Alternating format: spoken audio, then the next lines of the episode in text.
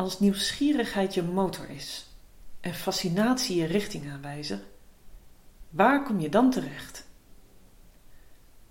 Bracht mij aan tafel bij professor Daan Krommelin.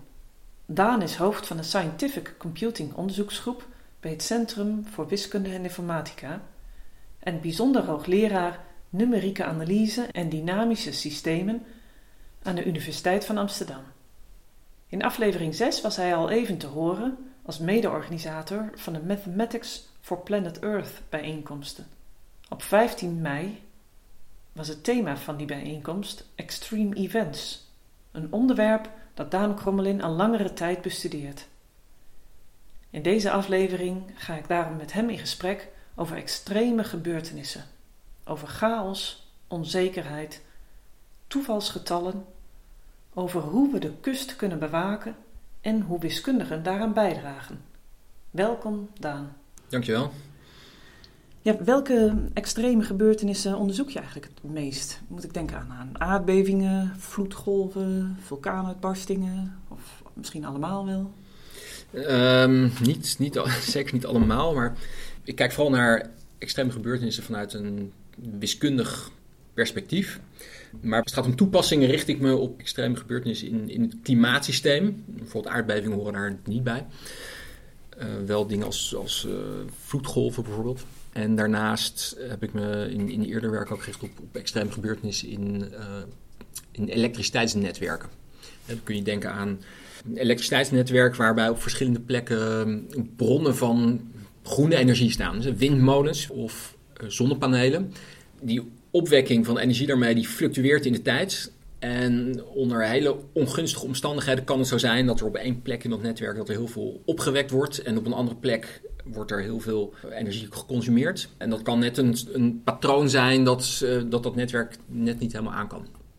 Kans daarop is klein, maar goed, dus dat zijn extreme gebeurtenissen. Dus je bent eigenlijk met twee gebieden bezig? Qua toepassingen, ja, klopt. Ja, ja, energieonderwerpen en, en, en klimaat. Ja. Dat is natuurlijk een van de mooie dingen, vind ik in ieder geval, van, uh, van, van wiskunde. Zeker toegepaste wiskunde. Dat, je houdt je al bezig met toepassingen, maar het is ook een klein beetje losgezongen van. En soms dan komt het voor dat je uh, ideeën of dingen die ontworpen zijn of, of uh, ontwikkeld zijn voor een bepaald toepassingsgebied, dat die ook heel erg anders bruikbaar zijn. Ja. dat vind ik zelf heel leuk. Ja, dat is mooi. En kom je daar dan bij toeval achter? Bij, nou, niet per se bij toeval, maar het is meer uiteindelijk met, in gesprek met collega's in, in de wiskunde die aan vergelijkbare wiskundige problemen werken, maar dan net gericht zijn op een ander toepassingsgebied. Dan kun je ineens horen van, goh, de dingen die er gedaan zijn, bijvoorbeeld meer op het gebied van uh, computationele chemie. Dus het rekenen aan allerlei problemen in de scheikunde. En daar kunnen dan ineens bijvoorbeeld ideeën uit voortkomen waarvan je denkt van, hé, hey, maar dat kan ik ook gebruiken voor bestuderen of het modelleren van vloeistofstromingen zoals de atmosfeer en oceaan. Wat dan daar ook onder valt. Ja, oké. Wat je zegt doet mij denken aan een voorbeeld wat ik laatst las. Volgens mij in een reden die je uitsprak bij eh, benoeming als, als eh, bijzonder hoogleraar. En toen had je het onder andere over uh, Stan Ulam, de bedenker van de Monte Carlo-methode. Die liet zich inspireren door het spel Patience. Ik denk van, nou wat bijzonder, hè? waar kun je allemaal niet al door geïnspireerd worden? Heb jij zelf zo'n soort inspiratiebronnen? Aan de ene kant zeg je dus, ja, het is in de scheikunde. En dan denk ik van, oh ja, dan, dan kan ik daar weer toepassen. Maar hoe, hoe, hoe kom je dingen tegen die jou inspireren om weer stappen verder te zetten? Ja, dat, zoals dat voorbeeld wat je noemt van Oelam, met, bij mijn kaartspelletje inderdaad, daar, daar, komt het bij mij dan niet, niet direct vandaan, niet, niet, niet uit spelletjes maar wel, ja, toch, toch wel door te, horen waar andere mensen aan werken, uh, daarover te lezen, een hele an, toch ander soort problemen, andere toepassingsgebieden. Uh, ja, dat, dat, dat vind ik inspirerend. Dat vind ik heel leuk om inderdaad te, bijvoorbeeld te horen. Zo, zoals ik, ik had het net al over, de, uh, over die extreme gebeurtenissen. Dus ik werk bijvoorbeeld samen met, met mensen die eerder al hebben gewerkt aan extreme gebeurtenissen en, en het, het, schatten van extreem kleine kansen binnen bijvoorbeeld communicatienetwerken. We willen mensen bijvoorbeeld de, de, kans inschatten dat een, een, datapakketje dat via allerlei servers over internet van de ene plek naar de andere gaat, dat zo'n datapakketje verloren gaat. Dat is in ieder geval wat, mijn, mijn globale begrip ervan. Ik heb er zelf niet aan gewerkt. Maar het is een hele andere toepassing, maar daar zijn ideeën, methoden en technieken uit voortgekomen Waarvan ik op een gegeven moment dacht van, goh, dat zou ook interessant zijn om te kijken of dat bruikbaar is om naar extreme gebeurtenissen in het, in het klimaatsysteem. Hè? Dus extreme weersomstandigheden, stormen, overstromingen, eh, hittegolven enzovoort. Um, om te kijken of dat daar bruikbaar kan zijn. Dus dat is ook een, project wat ik in samenwerking met collega's van de, van de UvA, Michel Mandjes en Harry van Zanten, die, die al langer aan dat soort onderwerpen werkten, om met, hen samen te gaan werken om te kijken of we dat kunnen, kunnen ontwikkelen. Ja. Ja. Dus dat is, dat is voor mij iets waar, waar, eh, waar ik inspiratie uit krijg. Om te van, hé, hey, dat, dat zijn interessante ideeën met potentieel veel bruikbaarheid op een heel ander onderwerp. Ja. Dat vind ik zelf heel leuk. Mooi. Ja. En je geeft het al aan, de kans op zo'n extreme gebeurtenis, ja, die, die is onzeker en soms misschien ook wel heel erg klein. Wat ik apart vind is dat onzekerheid, dat is eigenlijk een term die, die veel mensen niet direct met wiskunde associëren. En want in de wiskunde zou je denken van dan zoek je toch naar wetmatigheden. Welke rol speelt die onzekerheid in, in je onderzoek? Een, een, een vrij grote rol, wel. Ja, er zijn natuurlijk allerlei problemen, daar heb je niet een eenduidig antwoord op. Maar dan heb je een hele, uh, ja, hele baaier aan, aan mogelijkheden, aan mogelijke uitkomsten. En dan wil je bijvoorbeeld iets kunnen zeggen over ja, de kansverdeling, over al die verschillende uitkomsten. Ja, wat is het meest waarschijnlijke, maar wat is ook de, bijvoorbeeld de bandbreedte daaromheen? Hoe, hoe, reken je met kansen? Dat is een heel centraal onderwerp in, uh, in ieder geval dat, uh, dat gebied van de, van de wiskunde. En ik kom dan zelf meer, dat is ook het onderwerp eigenlijk in mijn groep hier op het CWI, Centrum Wiskunde en Informatica. Wij ontwikkelen numerieke methoden en technieken om ja, computersimulaties te maken van bijvoorbeeld vloeistofstromingen, zoals ik zelf ook dan aan atmosfeer-oceaanstromingen eh, werk als toepassingsgebied, maar bijvoorbeeld ook stromingen bij windturbines. We hebben in het verleden een, zaten er mensen in mijn groep die werkten aan het simuleren van biologische processen.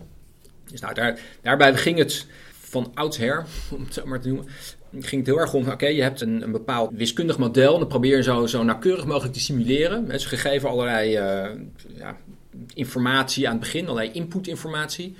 En probeer zo nauwkeurig mogelijk een bepaalde uitkomst te berekenen. Tegenwoordig is er, zeker ook in mijn groep, is er veel meer aandacht voor het probleem dat ja, je kunt het allemaal heel nauwkeurig uitrekenen, maar uiteindelijk wordt het voor een belangrijk deel bepaald, hè, hoe nauwkeurig die uitkomst is, hoe onzeker of zeker eh, die uitkomst is, door, door wat je erin stopt. dus die, de onzekerheden die je er aan het begin instopt, zijn allerlei eh, bijvoorbeeld parameters in, in, een, in een model. Dan moet je, moet je een een of andere waarde krijgen. Die weet je eigenlijk niet zo heel precies in allerlei gevallen. Dan kun je erover nadenken, hoe kun je dan, als je iets weet over de, over de onzekerheid, over de kansverdeling van, van wat er in zo'n computermodel gaat, kun je dan iets zeggen over de kansverdeling bij de, aan, aan, aan de andere kant, bij de, bij de uitkomsten.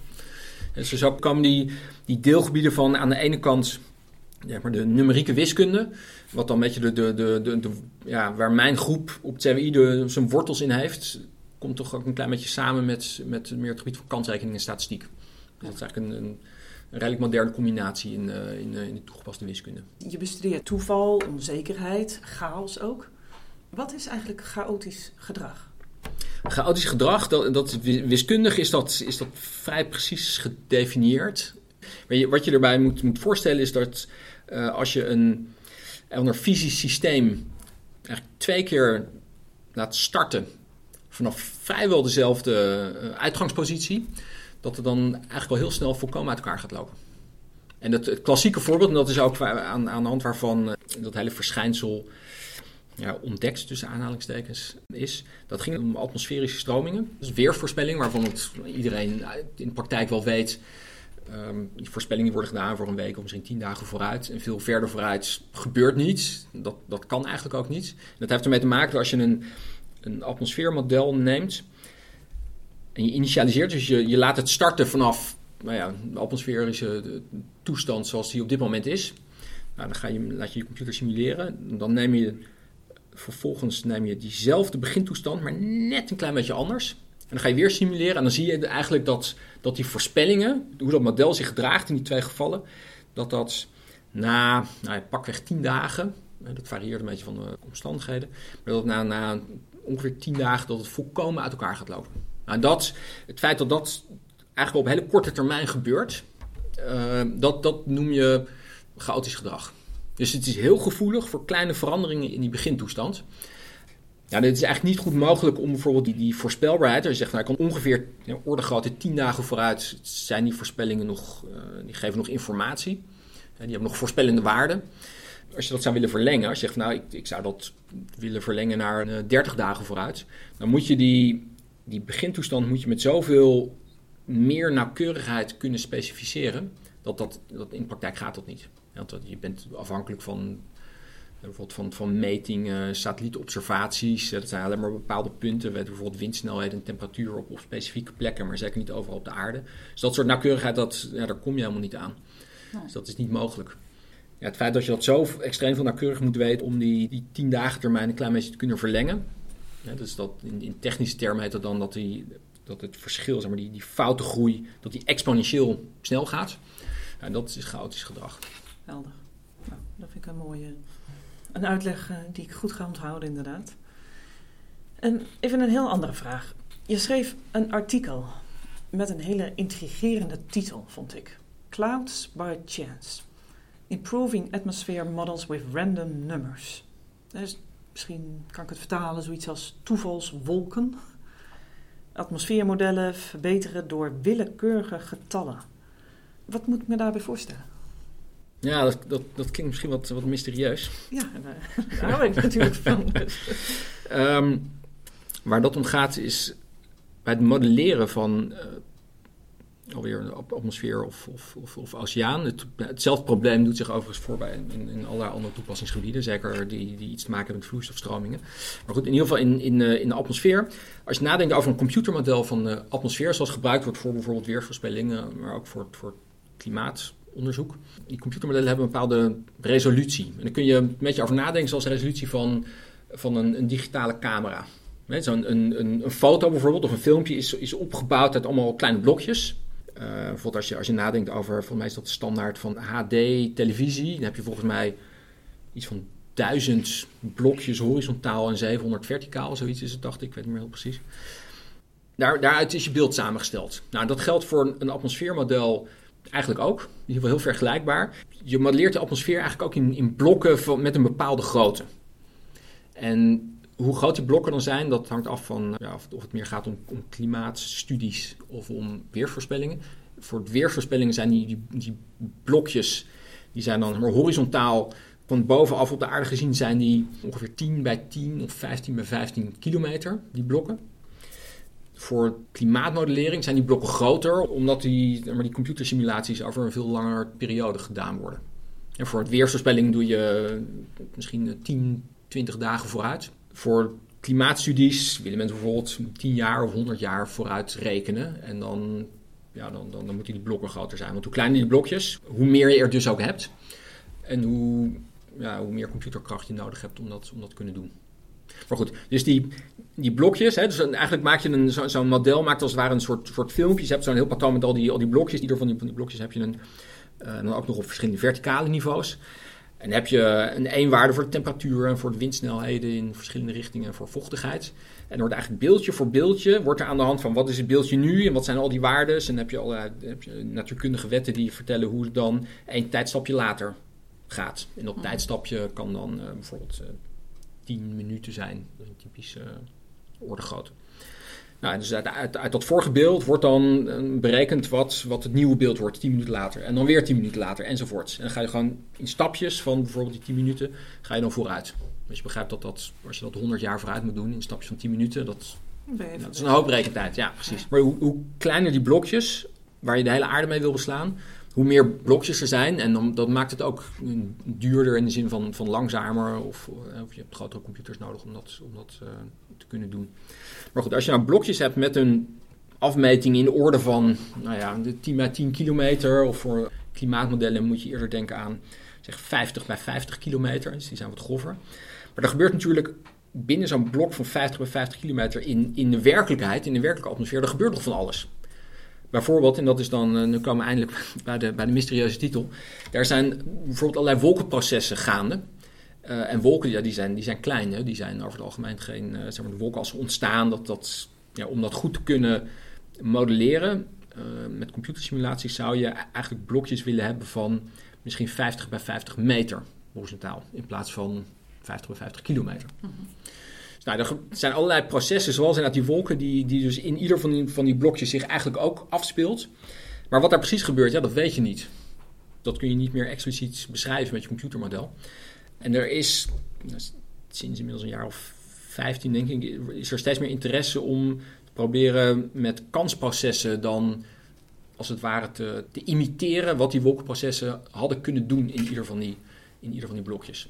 En dat doe je dan dus met, met, met, ja, met toevalsgetallen. Dus dan laat je eigenlijk ehm, met kansprocessen laat je, wolkenprocessen, laat je wolken genereren uh, die in, in ieder van die blokjes zich hadden kunnen vormen. Oké. Dus als ik het goed begrijp, zeg je van god, we weten in zo'n blokje waarmee we uh, alles gaan vastleggen, we weten sommige dingen niet zeker, dus we stoppen er een beetje ruis in, wat dan die onzekerheidsfactor als het ware kan representeren. Ja, klopt. Ja, ja, ja. inderdaad. Ja, het is alsof je er ruis in stopt en die ruis, nou ja, daar, daar kun je dan ook weer, en dat natuurlijk ook zo zo doen dat het meest lijkt op de ruis die, eh, die je zou krijgen uit de echte atmosfeer. En dat maakt het, nou ja, dus dat, ja. er is dan nog een hoop, eh, een hoop werk te doen hoe je dat precies moet doen. Maar inderdaad, je, je zegt die onzekerheid over wat er gebeurt op, maar op, op, op afstanden, dus op ruimtelijke schalen, in, in meer technische termen, die, die kleiner zijn dan de afmeting van zo'n blokje, van, van zo'n modelkolom. Ja, dat representeren met ruis en dan moet je inderdaad dan dus kansgetallen, toevalsgetallen voor gaan gebruiken om dat, om dat te genereren. Ja. Wat hoop je in tien jaar te bereiken? We hadden het net over die ruis om bijvoorbeeld atmosfeermodellen beter te maken. Ja, daar hoop ik over tien jaar echt een, een, een, hele stap verder mee te zijn gekomen. Met het verder ontwikkelen van, van ideeën, methoden en technieken om dat te doen op een manier die ja, zo waarheidsgetrouw mogelijk is. Eigenlijk. En, en tegelijkertijd ook, praktisch bruikbaar. Want je kunt allerlei mooie dingen op papier uitdenken, maar uiteindelijk wil je dat het ook, dat ook echt gebruikt kan worden en gaat worden. En, en, en, die stap, daar hoop ik een heel stuk verder mee, uh, mee te zijn over tien jaar. En daarnaast zijn er, zijn er andere onderwerpen. Dus we hadden het eerder ook al over, over uh, en technieken om, om extreme gebeurtenissen uh, te simuleren. En om het misschien nu iets technischer te maken. Daar, daarbij gaat het dan om maar het, het, schatten van die kansen op extreme gebeurtenissen. Die kansen zijn heel klein en dat maakt het moeilijk om die kansen goed te schatten maakt dit heel duur. En zoals je een model hebt, je noemde eerder al de Monte Carlo methode, nou, die kun je daar in principe voor gebruiken, maar die, dat is ontzettend inefficiënt. Dat kan echt extreem lang duren. Wat, wat even de Monte Carlo methode is? Mijn Monte Carlo methode zeg je eigenlijk, ik, ik ga gewoon heel veel herhalingen van bijvoorbeeld van die simulatie doen met steeds net andere toevalsgetallen. En ik ga gewoon tellen hoe vaak komt datgene voor waar ik de kans van probeer in te schatten. En als je zegt, nou ik doe bijvoorbeeld een een miljoen simulaties en, en, en drie keer komt datgene voor wat ik, nou ja, waar ik in geïnteresseerd ben, dan is mijn schatting van de kans drie op een miljoen. Ja. Maar je begrijpt wel, als, je, als het gaat om dat soort kleine kansen, eh, dan moet je een miljoen keer simuleren om bijvoorbeeld drie keer dan datgene waar te nemen waar het je om gaat. Dat is heel inefficiënt. Dus er zijn dus dat gebied van, dat heet dan in het Engels rare event simulatie, dus het simuleren van extreme gebeurtenissen. Dat is precies opgericht om dat veel efficiënter te doen. Zodat je dus niet miljoenen keren hoeft te simuleren om, om zo'n kans fatsoenlijk te kunnen schatten. Maar dat kan ook veel efficiënter, veel minder rekentijd. Ja. En als je nu terugkijkt, zijn er resultaten waarvan je zegt van nou ja, daar ben ik dan echt helemaal trots en blij op? Ja, die zijn er wel. Natuurlijk om, om, hele, om hele verschillende redenen. Als ik dan bijvoorbeeld kijk naar, naar, naar papers die ik heb gepubliceerd, en bij sommige daarvan ik van, dan weet ik nog wat een, wat een, wat een zware bevalling het was. Uh, en, maar goed, dat, dat is denk ik voor, dat is voor mij persoonlijk dan interessant, maar ik denk voor, voor buitenstaanders minder. Um, maar goed, is in ieder geval één, één paper dat ik jaren geleden heb, heb, gepubliceerd met een collega uit de Verenigde Staten, toen ik daar zelf uh, als postdoc werkte. dat was eigenlijk een eerste aanzet om dat, dat modelleren met het gebruik van kansprocessen in atmosfeermodellen. Omdat, hoe je dat kunt doen zonder dat je van tevoren al van allerlei kennis hebt hoe je die kansprocessen, hoe die er precies uitzien, dat is ontzettend moeilijk en in de praktijk eigenlijk vaak ondoenlijk om dat heel systematisch af te leiden. Dus je kunt dat ook proberen te doen op basis van, van data. Bijvoorbeeld van observaties of van beperkte modelsimulaties, computersimulaties die je hebt. Hoe kun je die data nou gebruiken om dat te doen? daar hebben we jaren geleden een paper afgeschreven hoe je dat zou kunnen doen. Um, maar dat werd in die tijd nog heel weinig gedaan. Tegenwoordig komen dat soort ideeën steeds meer in zwang. Hè. Er een soort, kleine revolutie gaande het gebruik van, van, van data en artificiële intelligentie, machine learning.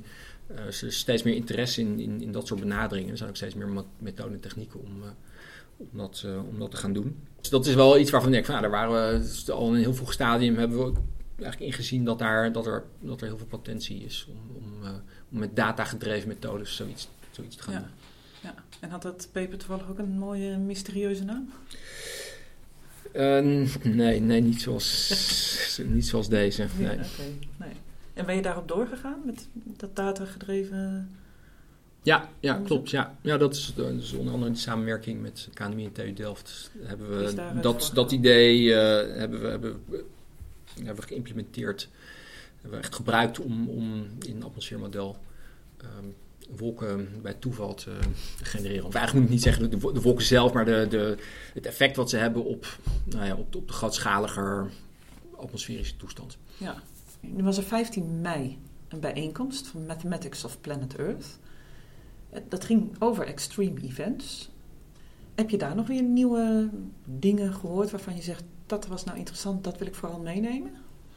Er waren interessante presentaties, heel, heel gevarieerd ook. Er was een, een, een presentatie van Geert-Jan van Oldenborg van de KNMI over uh, attributie van extremen. In hoeverre kun je dat toeschrijven aan klimaatverandering? Daar, wordt ook hard onderzoek aan gedaan. En, en uh, er was een andere presentatie, iemand die heel erg uit de statistiek richting, Johan Johan Kai van de TU Delft. Die werkt aan statistische methoden op het gebied van extreme waarden. Dat is een soort eigen onderwerp binnen de statistiek. Dat is weer een heel ander, uh, eigenlijk een andere invalshoek. En er waren verder presentaties. Was iemand die, die werkt meer eigenlijk aan concrete modellering van de atmosfeer en hoge resolutie. En hoe kun je bijvoorbeeld hittegolven daarin daarmee simuleren. Dus het was heel, um, heel, heel gevarieerd. Oké. Okay.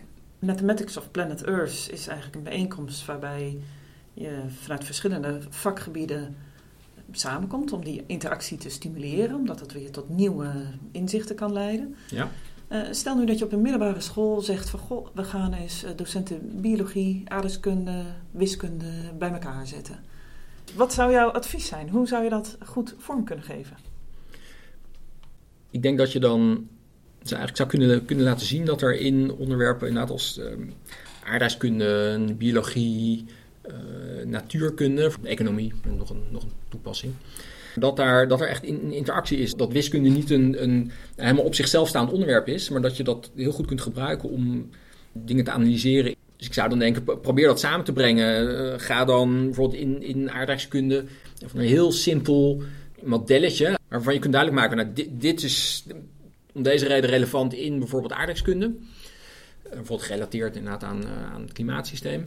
En vanuit wiskunde kun je dan deze ideeën gebruiken om daar iets meer over te zeggen om vragen te beantwoorden, om het op te lossen, om te, om te simuleren, uh, computersimulaties te doen. Nou ja, daar zijn verschillende, verschillende dingen mogelijk.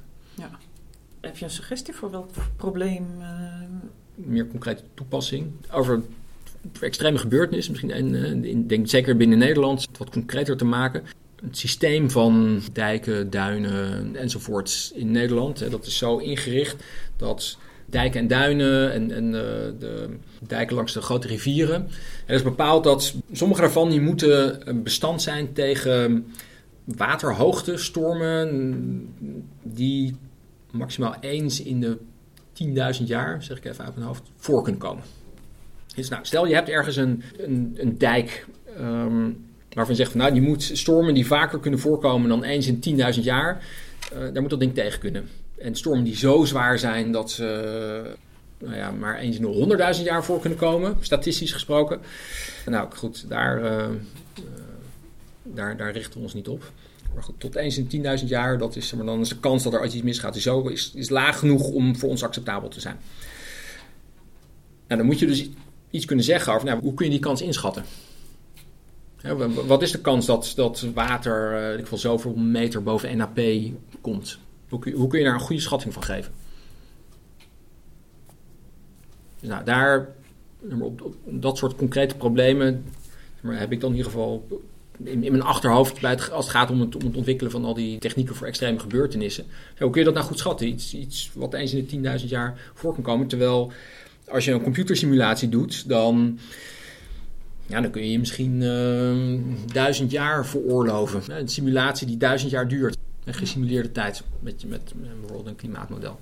Ook kun je dan iets zeggen over iets wat, wat statistisch gesproken eens in de 10.000 jaar voor zou komen. Wat kun je daar nou aan doen? Nou, er, er zijn vanuit de statistiek zijn er hier al ideeën over ontwikkeld. En wij kijken daar dan aan meer vanuit een simulatiestandpunt. Hoe kun je dat simuleren? Anders dan, zeg maar, weet je, ik zet, zet die simulatie aan en ik wacht tot die zoveel duizend jaar verder is. En dan ga ik maar kijken wat er gebeurd is.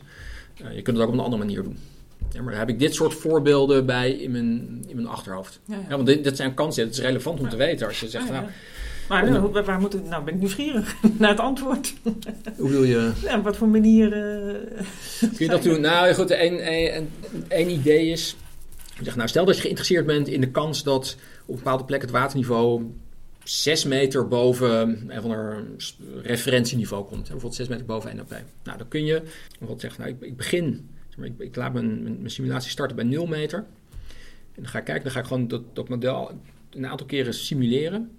En iedere keer als een model 1 meter boven NAP bereikt, dan splits ik het model. Dus dan, neem ik, dan ga ik dat model eigenlijk kopiëren. Dus dan neem ik dezelfde toestand. Dan ga ik dan uh, een, een, andere computer, bij wijze van spreken, dan ga ik twee simulaties parallel doen. En die allebei, omdat er allerlei onzekerheden zijn, dus ook, ook toevalsgetallen dan in, in, uh, in zitten. En die simulaties die, die, die gaan een beetje uit elkaar lopen. En als nou één van die dingen die ik had gestart vanaf 1 meter, als die het niveau van plus 2 meter bereiken, dan ga ik dat ook weer splitsen. En de rest laat ik dan, nou ja, dat, dat, laat ik bijvoorbeeld 100 jaar vooruit lopen en, en, dan, en dan hou ik ermee op. Of zelfs nog korter. Dan ik dan, maak ik eigenlijk een soort, soort, soort boom, een soort vertakking. Iedere keer als dat ding maar wat, wat dichterbij komt bij waar je in geïnteresseerd bent, hè, bijvoorbeeld die plus 6 meter, dan, dan, dan split je hem in een aantal kopieën. En die laat je dan ook weer doorgroeien. En sommige die groeien dan, nou ja, die, groeien niet in, die gaan niet in de richting waar het je om gaat. Dus nou ja, dat, dat, dat houdt dan op. Uh, en die andere, hè, die gaat misschien naar plus 3 en dan split je het ook weer. Dus dan krijg je eigenlijk een soort vertakking met steeds meer van die paden die steeds verder omhoog lopen. En door dan te tellen het aantal van de vertakkingen die het volgende niveau bereikt, daaruit kun je dan uiteindelijk de kans reconstrueren dat je vanaf 0 naar plus 6 ging. Door het eigenlijk te splitsen in kansen. Wat is de kans dat je van 0 naar 1 gaat, van 1 naar 2, van 2 naar 3 enzovoort. Ah, Want om van 0 naar 6 te gaan moet je eerst zeg maar 1, 2, 3, 4, 5 doorlopen. Ja. Dus dat soort splitting ja. heet dat dan. Ja. Dus dat is één methode om, om, dat, om dat te doen. En daar gaat natuurlijk wel wat, wat dus ook allerlei denkwerk gaan zitten in hoe kun je dat dan zo doen dat die kansen ook wel echt, ja, dat daar niet een soort afwijking in zit. een bias in, uh, in, in, het Engels. Um, dus dat, ja, dat moet je dan wel zorgvuldig doen. Maar er zijn dus allerlei ideeën over, over ontwikkeld. Ja, mooi. We blijven de ontwikkelingen volgen. Voor nu in ieder geval uh, dank voor deze interactie, voor jouw eh, bijdrage aan de podcast en veel succes met je werkzaamheden. Dankjewel. Daan Krommelin. Over extreme gebeurtenissen en de impact van klimaatverandering valt nog veel te zeggen, ook vanuit andere disciplines. Denk aan mislukte oogsten, veranderende economie, maar ook politieke keuzes zoals geoengineering, een soort kunstmatige klimaatcorrectie. Op 15 juli begint er in Nederland een thematische workshop waar diverse internationale sprekers zich over deze onderwerpen buigen, genaamd Mathematics of Economy and Climate. Wiskundigen gaan met klimaatwetenschappers en economen in gesprek.